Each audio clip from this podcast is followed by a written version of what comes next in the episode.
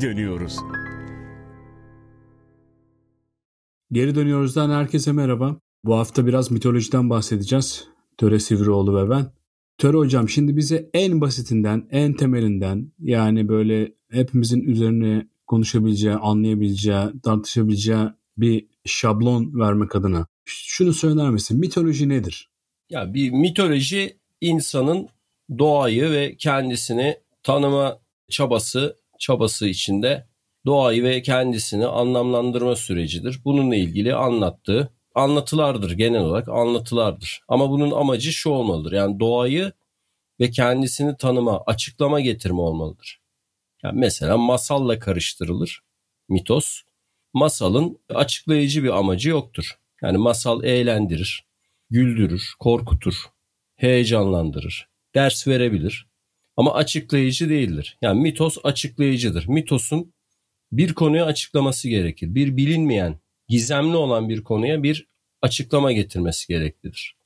Peki yani masalla karıştırılıyor dediğin için soruyorum. Yani masal masalın didaktik bir tarafı var. Yani Keloğlan'ın masalını okuyoruz ve sonunda kendimize bir ders çıkarıyoruz. Ama mitosta bir ders çıkarmak zorunda olmamakla birlikte yine de aslında saklı olan bir bilgiye ulaşmaya çalışıyoruz diyebilir miyiz? Yani yağmur neden yağıyor diyoruz. İşte bu soruya cevap veremediğimiz için çünkü fırtına tanrısı yağmur yağmasını istiyor diyoruz. İşte şeyi hatırlıyorsundur. Yunan mitolojisinde bu siyah ırkın nasıl var olduğuna dair bir mitos vardı. İstersen onu anlatarak, onun üzerinden, onu örnekleyerek bir cevap verir misin bu soruma? Tabii mesela faytonun ki bu kelimeyi hala kullanıyoruz at arabalarında.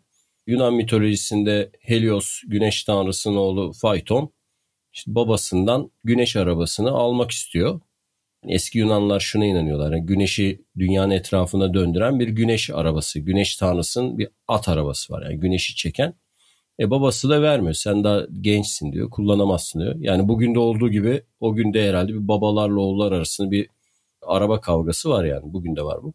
Sonra babasından kaçırıyor fayton güneş arabasını ve kullanamıyor tabii. Dünyaya fazla yaklaşıyor ve ekvator bölgesinde bütün doğanın yanmasına yol açıyor. O yüzden işte o bölgede Sahra oluşuyor. Hani bizim hatalı biçimde Sahra çölü dediğimiz Sahra bölgesi oluşuyor. Ve oradaki insanların derileri kavruluyor ve onlar işte siyahi ırk oluşturuyorlar. Yani mitos burada nasıl açıklama getiriyor? Yani neden bazı insanlar daha siyah renkleri, derileri? Çünkü fayton işte böyle bir hata yaptı ve bu insanların yanmasına yol açtı. Yani işte şeyde de vardır bu. Tek tanrılı dinlerin öykülerinde de işte Ham'ın Nuh'a karşı gelmesi nedeniyle Tanrı'nın onu cezalandırdı işte kararttığı gibi açıklamalar işte bu bir açıklama getiriyor bize. Yani neden insanların bazıları daha siyah? Çünkü işte böyle bir sebebi var gibi. Ya masalda böyle bir arayış yok. Yani Keloğlan'ın Kaftan'a gitmesi orada Devanas'ıyla karşılaşmasında yani neden Devanası var? Bu sorunun cevabı yok. Hatta şöyle konuşmuştuk seninle daha önce. Keloğlan'ın neden kel olduğu ile ilgili bir anekdot olsa hikayede bunu hani masal yerine mit diyebilirdik. Ama bize bunu anlatmıyor. Neden devanası var yani? Devanası orada neyi ifade ediyor gibi bir şeyi incelediğimiz zaman tabiat içerisinde anlaşılmaz bir olayı anlaşılır kıldığını görmüyoruz. Masallarda genelde böyle bir arayış yok. Peki o zaman yani zamansal olarak yani modern topluma kıyasla düşününce bilimsel ya da tabiata dair bilgimizin sınırlılığıyla ilgili bir şey olabilir mi? Yani mitoslarla bu bilgideki boşlukları doldurmaya çalışmışız gibi bir şey denebilir mi? Eğer öyleyse yani eğer bu bu düşünceyi kabul ediyorsak neden hala mitoslar var? Neden hala şehir efsaneleri var? Neden hala işte dünyayı beş aile yönetiyor? İşte efendim bu salgın aslında işte Bill Gates'in aşı projesinin bir bilmem nesi falan filan gibi neden hala böyle mitoslar çıkıyor? Çünkü doğanın bütün işleyişi hakkında ve yaşamın bütün ayrıntıları hakkında bilgi sahibi olmamız çok zor, mümkün değil gibi. Yani biz ne kadar bilgi öğrensek de depolasak da anlaşılmaz, hakim olamadığımız konular devam ediyor. Yani uzayla ilgili, zamanla ilgili, genetikle ilgili ya da günlük hayatla ilgili. Yani milyarlarca insan yaşıyor. Bunların her birinin davranışı başka bir sonuca yol açıyor. Bunları önceden kestirmek de mümkün değil.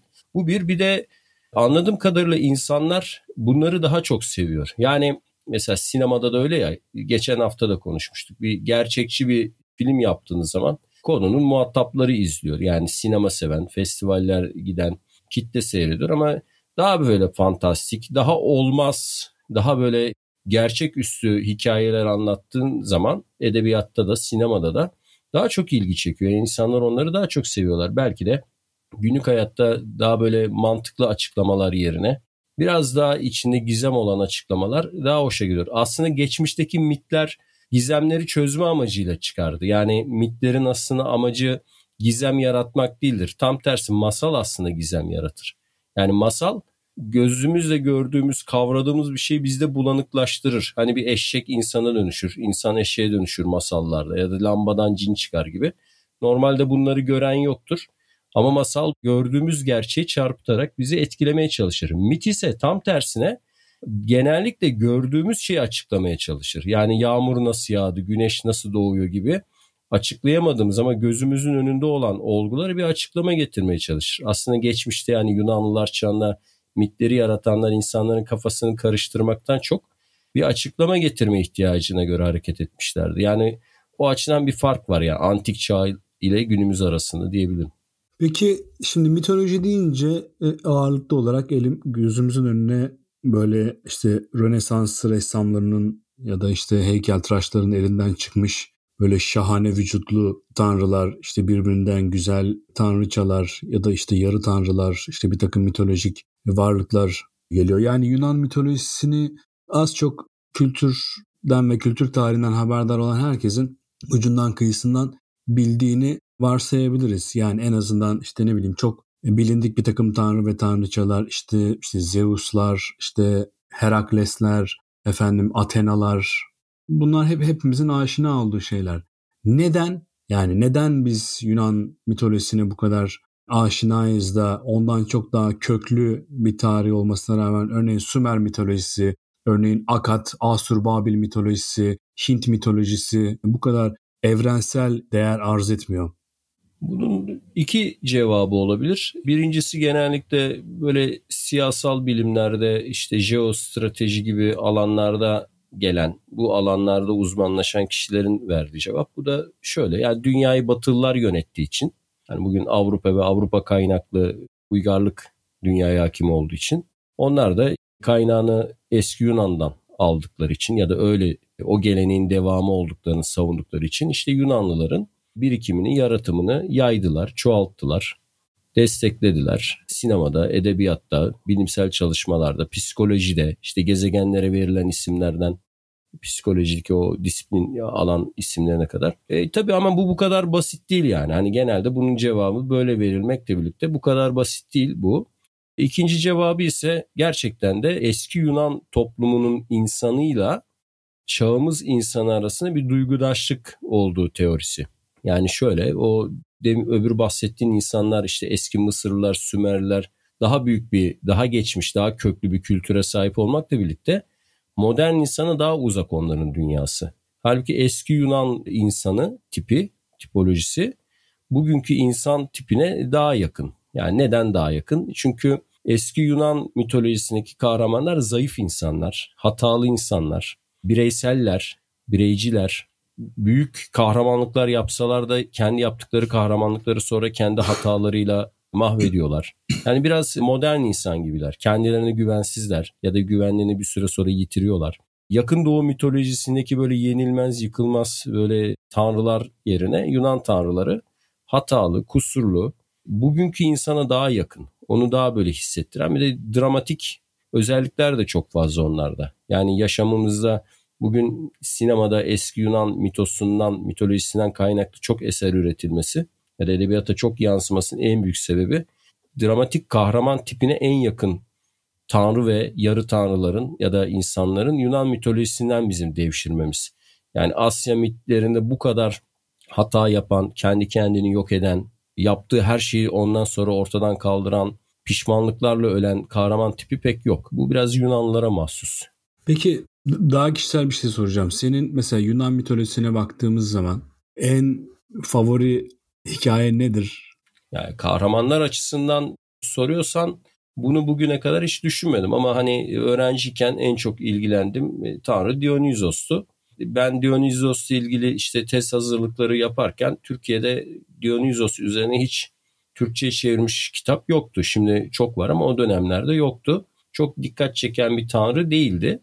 Ama aradan geçen 20 küsür yıl işte 20 yıl civarında gayet bu şey durumun değiştiğini gördük. Yani Dionysos daha ilgi çeken bir tanrıya dönüştü. Çünkü hani toplumda bireysel hareket etmek, kendi hayatını çizmek, eğlenmek, gülmek ihtiyacı arttı. Yani bugün herkesin Dionysos'u olan ihtiyacı arttı. Yani hani bu apollonik katı kurallara dayalı toplum dayatması karşısında insanlar genelde tüm dünyada yani Dionysosçu çizgi bir kurtuluş, bir çare olarak görmüşler. Yani Roma'da da böyle, eski Yunan'da da böyle. Bu nedenle de hani o öğrencilik yıllarımda dikkatimi çeken tanrı Dionysos'tu. Çünkü bu 12 tanrı arasında sonra kabul edilmesi, dışarıdan gelmesi, yabancı görülmesi, çok uzun bir dönem kabul görmemesi, tanrı olarak kabul görmemesi ve kuralsız bir şekilde şeye benzetirdim aslında. Yani belki dinleyiciler için garip gelebilir ama Türk müziğindeki bu arabesk akım işte bir Orhan Gencebay, Ferdi Tayfur gibi. Çünkü Dionysos'un yaşamını incelediğin zaman işte hep böyle ölüyor, diriliyor, parçalanıyor, tekrar birleşiyor. Hep ona ağıtlar yakılıyor. Yani böyle onu köylüler ona tapıyor, yoksullar onu dinliyor. Yani böyle zengin kesimin tanrısı değil. Yabancıların, göçmenlerin, itelen işte bu itilmişlerin öyle derler ya. Onların tanrısıydı Dionysos. O yüzden dikkatimi çekmişti. Yani Yunan Panteon'un kabul edilmesi de çok uzun zaman almış zaten. Bir de bu Dionysos'la ilgili galiba şöyle kafa karışıklıkları da var. Yani bu coğrafyada yaşayan bütün topluluklar bir şekilde birbirleriyle ticaret ya da kültür bağı içinde oldukları için aynı mitosun, aynı inanışın benzer tanrı profillerinin birbirine komşu, birbirine civar sayılabilecek e, topluluklarda da rağbet gördüğünü, tapınım gördüğünü falan e, zaten biliyoruz. E, ama şey bu Dionysos'un işte Hint'teki Shiva olabileceği hatta Shiva'nın da aslında Hristiyanlıktaki İsa olabileceği falan gibi bir takım böyle karışık hesaplar vardı. O tezi hazırladığın zamandan hatırlıyorum bunları konuşmuştuk. Böyle bir şey olabilir mi? Gerçekten İsa bir Dionysos reenkarnasyonu olabilir mi yani mitolojiye göre? Şimdi Hindistan sanıldığı kadar uzak değil Akdeniz'e. Yani Hindistan'la hatta Sümer uygarlığı arasında da biliyorsun arkeolojik şeyler keşfedildi ilişkiler. Hatta yani milattan önce 4000'lere 5000'lere kadar inen bağlantılar. Hani böyle geçişkenlikler mümkün. Zaten Hindistan'a giden ilk İngiliz bu işte sömürgecilik zamanı oradaki Hristiyanlarla karşılaştıklarında falan da şaşırıyorlar. Yani ne, çok erken dönemde Hristiyanlığın da ulaştığı bir alt kıta. Aynı şekilde Hint inançlarının Yunan'ı da etkilediği iddia ediliyor. Yani bu mesela Pitagoras'ın et yememesi, işte vejeteryanlığı seçmesi, ne bileyim ruh göçüne inanması gibi fikirlerinin eski Yunan'da Pisagor'un yani Hint kökenli oldu. Hindistan'dan gelen düşünürlerden etkilendiği söyleniyor. Yani bu açıdan hani Buda imgesinin ya da Shiva'nın Hindistan'dan yola çıkıp yakın doğuda İsa düşüncesini etkilemesi yani Hristiyanlığı etkilemesi falan bunlar çok büyük kanıtlar olmamakla birlikte elde e, böyle imkansız şeyler değil. Çünkü arada düşünüldüğü kadar büyük mesafeler yok. Bunlar hatta Roma ile Çin arasında bile ipek ticareti olduğuna göre yani biz bugün Çin'deki arkeolojik kazılarda Çin'in en uzak bölgelerin, ıssız bölgelerinde bile Roma seramikleri çıkıyor mezarlarda. Yani adam seramik almış. Aynı şekilde Akdeniz'de de yani Çin'de üretildiği düşünülen ipek parçalar yani getirildiği sanılan ipek parçalar çıkıyor. Yani bir ticari ilişkiler, kültürel ilişkiler var. Bunlar imkansız değil çünkü benziyor da.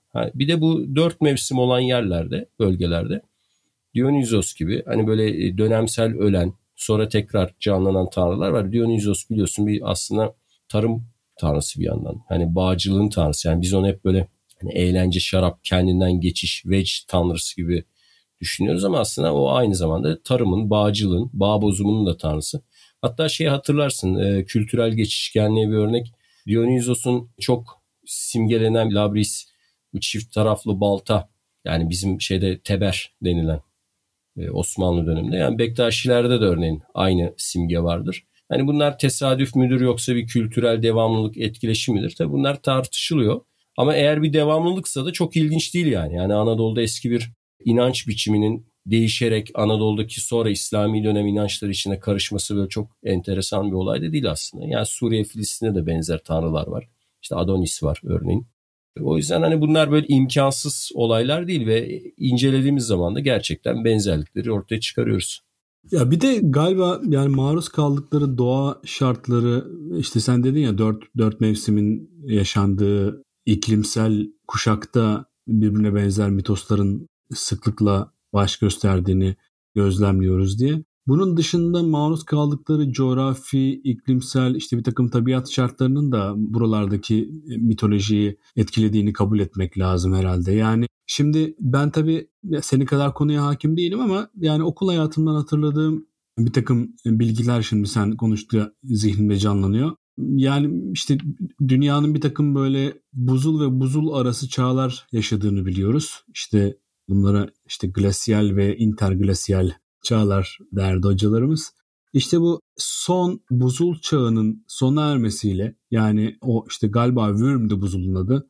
Würm buzulunun kuzeye çekilmesiyle birlikte eriyerek yani bugünkü artık kutup alanlarına, kuzey kutup dairesine doğru çekilmesiyle birlikte tabi bu eriyen buzların yarattığı bir takım tabii etkiler de oldu. Bunlardan biri ve belki de en önemlisi suların beklenmedik düzeyde yükselmesi, işte nehirlerin taşması, işte kıyıların zaman zaman sular altında kalması falan filan gibi bir takım etkiler de var. Ve bu aşağı yukarı bizim tufan mitosuyla andığımız tarihsel çağlara denk gelen bir şey eğer yanlış hatırlamıyorsam.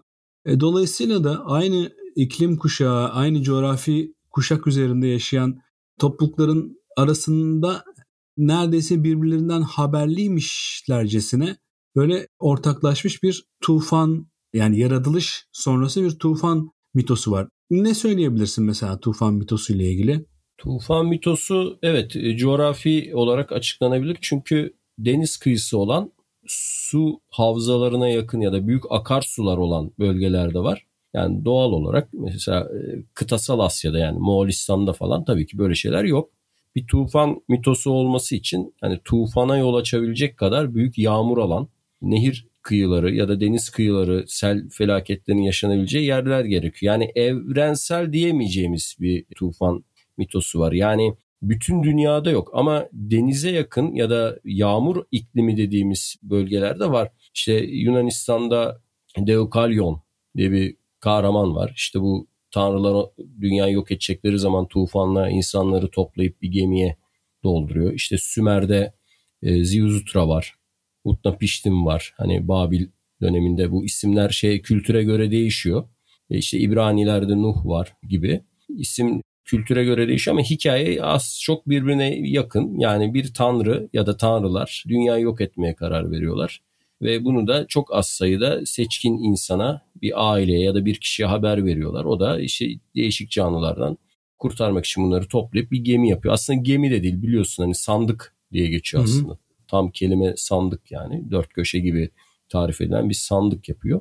Şimdi bunun arkeolojik kanıtları var yani çeşitli bölgelerde e, Mezopotamya'da su büyük su taşkınlarının olduğu katmanlar falan var ama tabii bu yani biz zaten böyle bakıyoruz işte masalla aradaki fark şu. Biz bir masalı kanıtlayabilecek şeyleri bulmamız çok zor ama mitlerle ilgili anlatılarda bunların tamamı olmasa bile bir kısmının gerçeği yansıttığını gösterebiliyoruz. Yani şöyle diyeyim daha doğrusu ortada bir gerçek var. Gerçekten sel baskınları var ama insanlar bunları daha da böyle büyüterek işte bir tanrıların gazabı olarak düşünerek ya da bütün canlıların öldüğünü ya da bir kısmının bir gemi sayesinde kurtulduğunu düşünerek yani biraz bunu değiştirmişler diyebiliriz ama coğrafi kanıtları var. Bu da işte dediğin gibi buzul dev, son buzul devri diyoruz biz kendi aramızda. Öyle diyelim. Yani biz çok buzul devri olduğu için son buzul devrindeki o büyük erime ile beraber bütün dünyada su havzalarının 100-150 metre kadar yükseldiği görülüyor. Bu çok büyük bir şey yükseklik. Yani örneğin bu Karadeniz bir göl iken o dönemde yani bundan 10 bin yıl önceden bahsediyoruz. Marmara denizi olan bölge bir kapalı göl iken e bunlar şeyle birleşiyorlar yani yükselen sularla Akdeniz'de birleşiyorlar ve herhalde insanlar yani bu tufana tabii ki şahit oluyorlar. Yani bu bir günde olan bir şey değil aslında ama birkaç yüzyılda olan ama gene de hızlı. Yani birkaç yüzyılda aslında çok insanlık tarihi açısından hani böyle kısa bir dönem aslında. Birkaç nesil içerisinde bu yükselmeye şahit olan kuşaklar hani tanrıların kendilerini neden cezalandırdığını düşünmüş olmalıdır. O yüzden de hani Çin'de de var mesela benzer tufan hikayeleri. Burada insanlar şu anlamı çıkartıyorlar. Hani ne yaptık da tanrılar bizi cezalandırır diye bunu biraz da e, felsefi olarak düşünüyorlar. Bir doğa olayı olarak düşünmüyor tabii. Yani tıpkı o Sodom Gomorra'nın hani cezalandırılma hikayesi gibi. Daha, sonra böyle yorumlanıyor. Ama bunun tabii teknik açıklaması gerçekten de bu öykülerin oluştuğu dönemlerle buzul döneminin etkileri aynı şeyde çakışıyor. Aynı tarihsel dönemde birleşiyorlar aslında. Ya bir diğer mesele de şu. İnsan topluluklarının yaşadıkları coğrafya onların mitoslarını, inanç sistemlerini etkiliyor, belirliyor derken aslında ona bir de şunu eklemek lazım belki de. Yani bu, bahsettiğimiz toplumlar yani bu bu mitosları, bu mitolojileri inşa eden, tesis eden topluluklar tarım toplumları. Yani toprakla yaşayan, toprakla ölen topluluklar. E, ya evlerini, işte yemeklerini e, yaptıkları ve sundukları kapları, hatta işte oyuncaklarını bile topraktan yapan, kilden yapan topluluklar. Toprakta çok içli dışlı, toprakta çok birebir etkileşimli bir hayatları var. Dolayısıyla da bu toplulukların hemen hepsinde yine böyle ne denir buna senkretik mi denir? Ortaklaşan bir şey inancı var. Topraktan geldik, biz topraktan yaratıldık inancı var. Bunun bir tarım toplumu olmalarına herhalde bağlayabiliriz. Öte yandan mesela şeyi düşünüyorum. Yani bugün günümüzün yani modern dillerinde de şöyle dönüp baktığımız zaman örneğin yani Tevrat'ta anlatılan bu yaratılış mitosuna bir göndermeyle adam yani Adem ve Havva'daki adamdan bahsediyorum.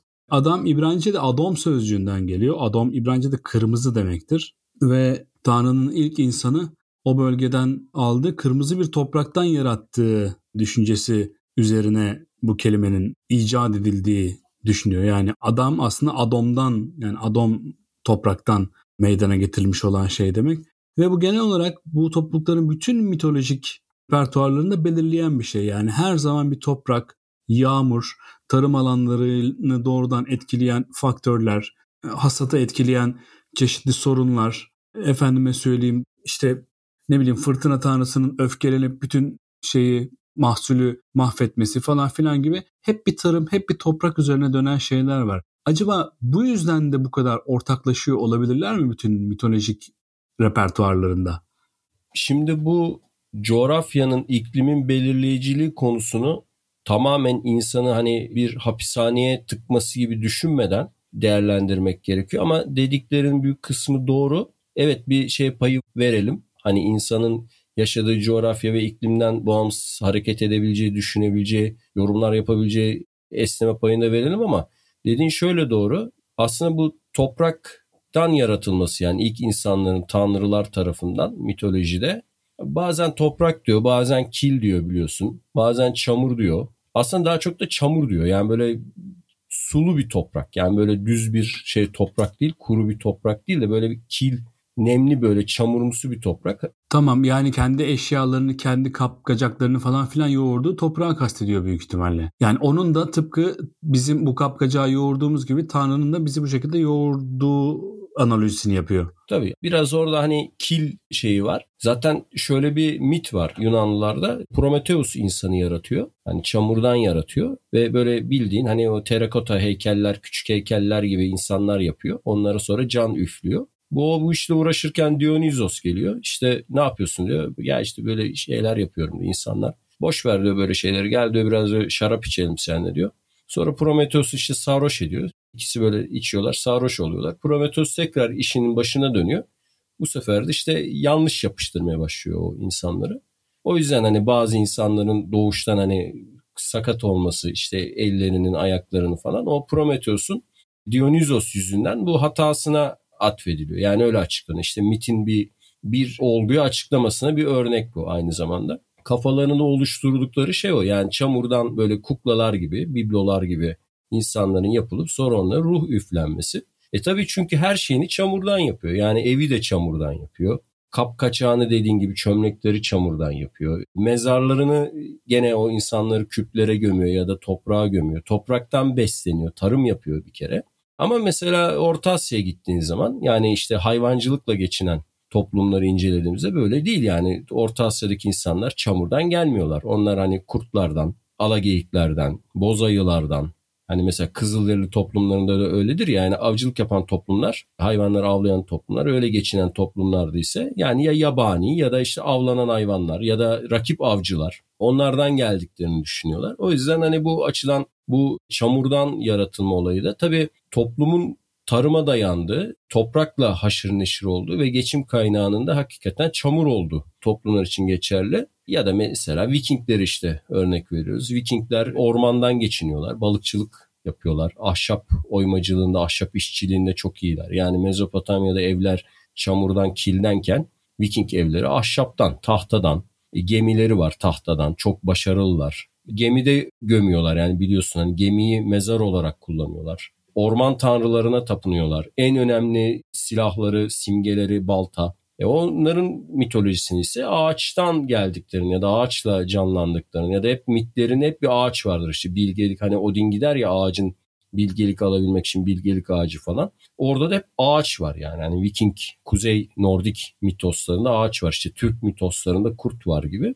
E, nereye gidersen insanlar ne yaşıyorsa, neyle geçiniyorsa ya da neyle karşılaşıyorsa tabii doğal olarak mitlerinde bu olay var. Bir de bu çamur olayına değmişken hep unutulan da bir şey var aslında. Hani biz bunu böyle biraz huşu içine söyleriz hani topraktan geldik falan. Aslında topraktan geldik iyi bir şey değildir o eski mitlerde. Çok övünülen bir şey de değildir. Hani bilirsin onu hani insan ona tanrısal bir ruh üflenmiştir. Bu yüzden tanrısal bir öz taşır insan. Hani ahlak yaratır, sanat yaratır, düşünür, kitaplar yazar. Ama bir yandan da bir ayağı da topraktadır, çamurdadır yani. Aslında mayası da çamurdur. Bu yüzden işte hata yapar, hırsızlık yapar, yalan söyler. Hani çiğ süt emmiş denir ya. Hani aslında çamurdan yaratılma bugün düşünüldüğü gibi böyle mütevazilik ya da bir huşu yaratıcı imgesiyle düşünülmez aslında. Orta çağda bu insanın zaaflarının, hatalarının, işlediği suçların bir açıklamasıydı yani. Çünkü biz hani çamurdan yaratıldığımız için mayamızda bir kabalık, dünyalılık vardı. O bizim mayamız bizi dünyaya hapseden mayaydı. Yani kendimizi dünyadan uzaklaştıramadığımız işte hırslarımız, ihtiyaçlarımız, ne bileyim işte cinselliğimiz vesairemiz şurada bunları uzatabiliriz. Buradan kurtulup işte mesela Hristiyanların düşündüğü gibi Tanrı'nın krallığına bir ruh olarak giderken bu çamurdan olan bedenimizde ki Pitagorasçılar da Pisagorcular da aynı fikirdeydi bu beden hapishanesinden kurtulacaktık. O yüzden hani çamurdan yaratılmak böyle çok da orta çağ için söylüyorum ya da antik çağ için çok matah, çok övülen, çok böyle yüceltilen bir şey değildi. Tam aksine e, insanın zaaflarını açıklayıcı bir imgeydi diyebilirim yani. Peki o zaman bir de şunu sorayım. Yunan mitolojisi Hristiyanlığın Yunan mitolojisinin hakim olduğu bölgelere yerleşmesiyle birlikte hakir görülmeye başlandı. E, putperestlik sayıldı. Hep Hristiyanlığın karşısında Hristiyanları yoldan çıkaran bir şey olarak görüldü ve böyle böyle tarihin içinde bir yerlere gömüldü. Fakat Orta Çağ'ın sonuna doğru Yunan mitolojisi yeniden hayat buldu. Hatta şu anda bizim Yunan mitolojisi hakkında mevcut bütün algımız gerçek Yunan mitolojisinin hakim olduğu dönemden değil Rönesans sonrası dönemden denebilir belki. Peki yani madem böyle geri dönüşler oluyor hazır biz de geri dönüyoruz. Bir gün birileri tarihin bir yerlerinde birileri dönüp bizim yarattığımız mitosları, bizim yarattığımız şehir efsanelerini, komplo teorilerini de acaba mitoloji olarak benimseyecekler mi? Böyle bir şey düşünüyor musun? Bu soruyu ilk soran Eric von Daniken'di biliyor musun? Daniken'in tam okunuşu ne söylesene bana. Hmm, bilmem bilmiyorum ya adam Danimarkalı mı? Daniken galiba. Dan, Danimar çünkü böyle A E'li bir şeyle yazıyorlar. Hmm. A'nın üzerine iki nokta koyuyorlar ya. Yani Evet, evet Daniken galiba. Ya yani o Eric von Daniken'in şeyde tanrıların arabalarında şöyle bir şey vardı. Bundan 5000 yıl 10 bin yıl sonra bir arkeolog dünyayı kazdığında bizim 20. yüzyılı incelediğinde Hani bu o kadar çok Lenin ve Stalin heykeli bulacak ki işte bunların o dönemin tanrıları olduğuna inanacak falan diyordu. Tam 60'lı 70'li yıllarda sanırım o kitabın ilk baskısı öyle olması lazım. Yani muhakkak ki aradaki bağlantı koptuğunda kültürel devamlılık koptuğunda yani bir dünya felaketi olduğunu düşün. Hani bir atom savaşı ya da bir işte büyük salgın ve Hani o kıyamet filmlerinde olduğu gibi bütün uygarlığın çöktüğünü ve arada bir 5000 yıl 10 bin yıl kadar bir boşluklar oluşunu düşün.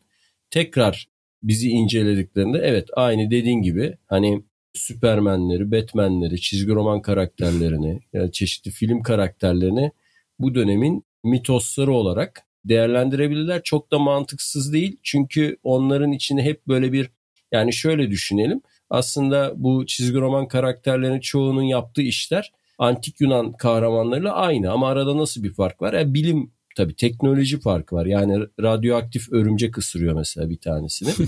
yani bir tanesi işte şu ağlara uzayda işte Fantastik 4'te öyleydi galiba. Bir güneş patlamasında radyoaktif ışığa maruz kalıyorlar. Yani hepten böyle tanrı geldi dokundu böyle oldular değil de biraz işin içinde elektronik manyetizma vesaireler var. E, tabii 20. yüzyılda artık sen Herakles'in hani ya da Teseus'un işte görünmezlik belerini falan anlatamazsın.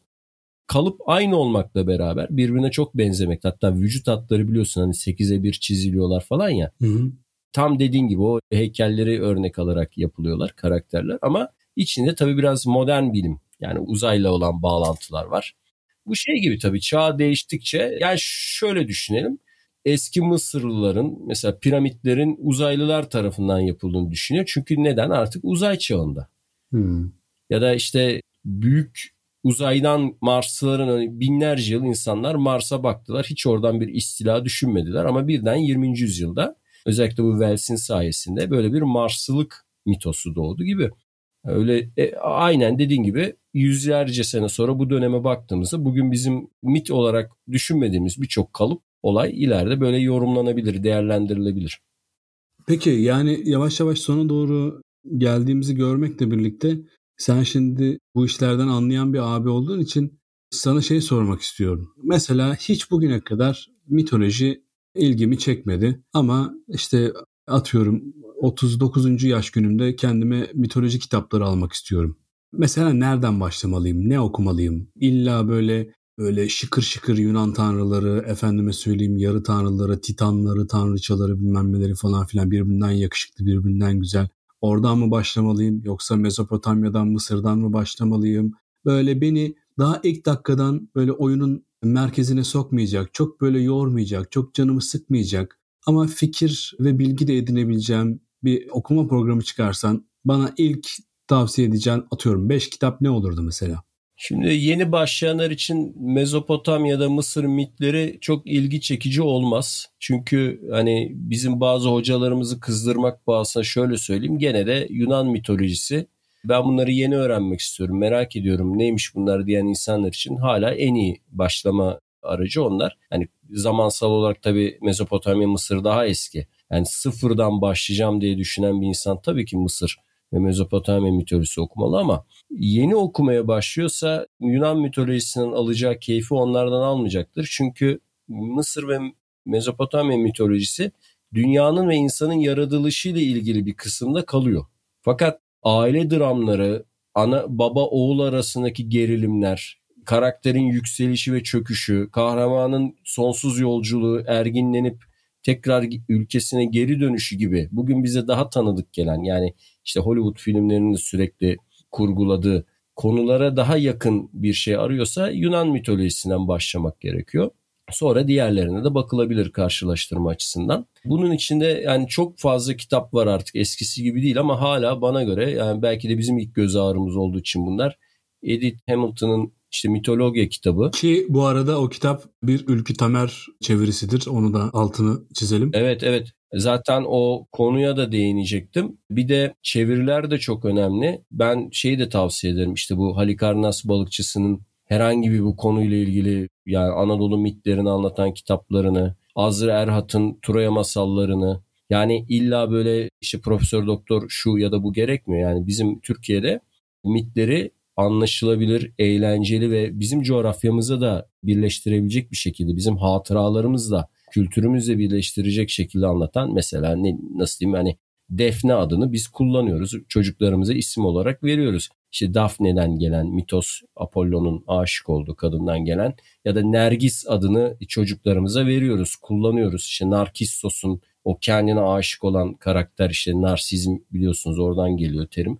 Hani bunları o kadar güzel hikayeleştirerek yani yeniden kurarak anlatıyorlar ki onların anlatım dili hala şu an bana göre aşılabilmiş de değil zaten. O yüzden hani Halikarnas balıkçısının onun dışında Sabahattin Eyüboğlu'nun yani Anadolu ile ilgili o mito, mitoslarla ilgili çalışmaları onlar dile de dikkat ediyordu çünkü. Sadece bilgi verme değil anlatım dil olarak olağanüstü canlandırıcı olduklarına o manzarayı tamamen gözünüzde canlanır hale getiriyorlardı. Bir de bizim tabii coğrafyamız olduğu için daha sıcak geliyordu diyebilirim. Yani şimdi biz Yunan mitolojisinden başlayalım derken aslında çok da hani şunu da unutmayalım Yunan mitolojisi denilen o alan büyük kısmı Anadolu'da da geçiyor. Yani o yüzden de biraz hani başlangıç için belki yani bugün Manisa'ya gidiyorsunuz işte Niobe, Ağlayan Kaya, onun hikayesini bilmek, önünden geçmek bunlar e, ayrı bir keyif veriyor tabii. Çok uzak diyarlardan daha farklı bir şey.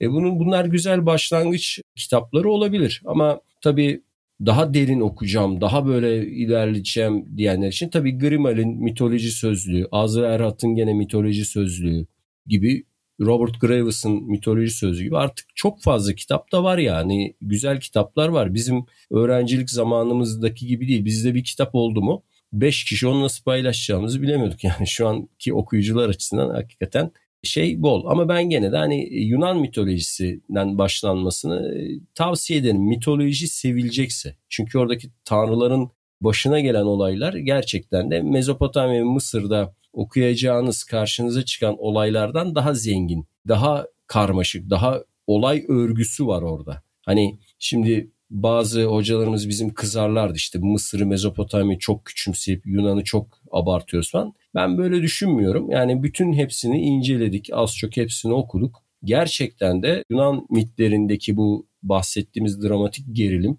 o kahramanın yolculuk yaparak bambaşka mesela Odysseus'u düşün. Yani herhalde bugün bütün çekilen kahraman filmleri yolculuk filmlerinin temeli Odysseus'tur yani. Hani Odesya destanıdır. O keyfi, o tadı karşılayabilecek çok fazla alternatif yok bence bana göre tabii bu benim düşüncem. Yani ben de şeyi şiddetle tavsiye ederim. Edith Hamilton'ın galiba tam adı Mitologya'ydı kitabın. Mitologyasını dediğim gibi Ülkü Tamer çevirisi çok şahane bir çeviri. Yani Ülkü Tamer'in o, o şair çevirmen duyarlılığında çok sindiği bir metin. Ve yeni başlayan biri için hakikaten de böyle en bilindik ya da en bilinmesi gereken mitosları ardı ardına sıralayan işte Athena'nın dantel örme yarışması yaptığı Arakne'yi örümceğe dönüştürmesinden tut da Zeus'un aşık olduğu peşinden koştu ama sonra Hera'ya yakalandığı için aniden ineğe dönüştürdüğü Avrupa'nın işte Avrupa'nın adı olmasına kadar bilindik tanıdık bugün günlük hayatımızın bir parçası olan birçok şeye ışık tutan, aydınlatan harika bir metin. Bir de sen ben ne zaman bu kitaptan bahsetsem duymazdan geliyorsun ama ben Şefik Can'ın mitoloji... Aklımdaydı biliyor musun? Ha. Yani tam tam söyleyecektim. Hı. Ya dedim sözünü bitirsin de ya şöyle de bir kitap var onu eklemiş. Şefik Can'ın Yunan mito evet. Çünkü ben Şefik Can'ın Mesnevi şerhini de seviyorum bu arada. Yani evet. Şefik Can'ı hani böyle çok şey tam böyle eski Türkiye entelektüeli yani her konudan haberdar, her konu hakkında kitap yazabilecek kadar bilgili falan bir adam. Onun mitolojisi Yunan mitolojisi galiba onun kitabının adı. Ama evet ama biraz öyle olması lazım zaten. Bir yani Türkiye'de bir o bu alanlarla ilgilenen bir kişinin hani ben sadece antik Yunan mitleriyle ilgileniyorum ve bunun ortaçağ yansımalarıyla ilgilenmiyorum dediğin zaman demin örnek verdik yani Dionizos kültünün hala işte köy o Metin And'ın hani kitabı var ya o da bak piyasada yok mesela. Dionizos ve Anadolu köylüsü. Yeni baskıları falan yok. Ben o merak o kitap neden yok artık? O ilginç bir şey. Yani bunu hazır böyle bir şey konuşurken bunları da hatırlatmış olalım ki birileri duyup e, belki de tekrar o kitapların değerini anlaşılmasını sağlarlar. Yani Metin Andın Dionizos ve Anadolu köylüsü böyle küçücük ama bu konuda çok yetkin bir kitaptır. Bir de tam Şefik Can'dan bahsetmişken Ahmet Cevat Emre'nin bir İlyada uyarlaması vardı hatırlarsın. Evet evet bende var. O benim hayatımda okuduğum en iyi İlyada uyarlaması. Çünkü hani İlyada'yı okumak zordur. Hani biz şimdi bizi dinleyenlere nereden başlamak gerekir derken aslında İlyada'dan başlayın dememiz lazım ama, ama İlyada okunması zor bir destan olduğu için mesela Ahmet Cevat Emre'nin çevirisi ya da uyarlaması diyelim tam çeviri değil çünkü o biraz şeyleri de güzel uyarlamış. Türkçe anlatımı da tabii üstün. Mesela o da basılmıyor o da yok. O da piyasada yok. Bir de çok ilginç bir şey söyleyeyim sana. Ben de onu geçen senelerde öğrendim. Sen belki biliyorsundur. İlyada'yı ilk kez Türkçe'ye çeviren kimmiş biliyor musun? Bir parça olsa. Ömer Seyfettin'miş. İlk Türkçe'de, şimdi biz Ömer Seyfettin'i hep çocuk hikayeleriyle tanıyoruz ya. Hani geçenlerde şeyleri yayınlandı. Çeviri ve düşünsel makaleleri. Ömer Seyfettin o dönemde biraz yasaklı ve sakıncalı bir yazar olduğu için işte 20-25 tane isim kullanmış. Hmm. O yüzden de hani bazı çalışma ona ait oldu. Çok geç keşfedildi. Bu Nazım Hikmet Polat diye bir araştırmacı var. O bu, bu konuda uzman. 20-25 sayfa kadar belki biraz daha da uzun olabilir. Yani ben şimdi hatırlayamıyorum tam daha da uzun olabilir. Fransızcadan yaptığı bir İlyada çevirisi var ve ilk kez benim bildiğim kadarıyla İlyada'nın Türkçe'ye çevrilme hikayesini bu ben de bunu bilmiyordum. Belki sen biliyorsundur. Yok bilmiyordum ben. O alanları çok ya yani onu da bir hatırlatmış olalım. Gerçekten de o şey 1908-10 o civarlar olması lazım. Yani Ahmet Cevat Emre'den önceki ilk tercüme denemesi de ona aitmiş. Ama sağlığında yayınlandı mı bilmiyorum. Hani notları arasından mı çıktı yoksa bir gazetede başka bir isimle yayınlanmış mıdır tefrika olarak onu şimdi hatırlayamıyorum. Ama ya o öyle bir özelliği de var Ömer Seyfettin. Tere Hocam bu güzel sohbet için sana teşekkür ederim. Biraz artık vaktimizin sonuna geldik. Tavsiyeler için de teşekkür ederim. Haftaya yeniden geri dönüyoruz da buluşacağız. Bakalım haftaya ne konuşacağız. Teşekkür ederim. Görüşmek üzere. Ben de teşekkür ederim. Bizi dinleyenlere herkese iyi günler diliyorum. Görüşmek dileğiyle.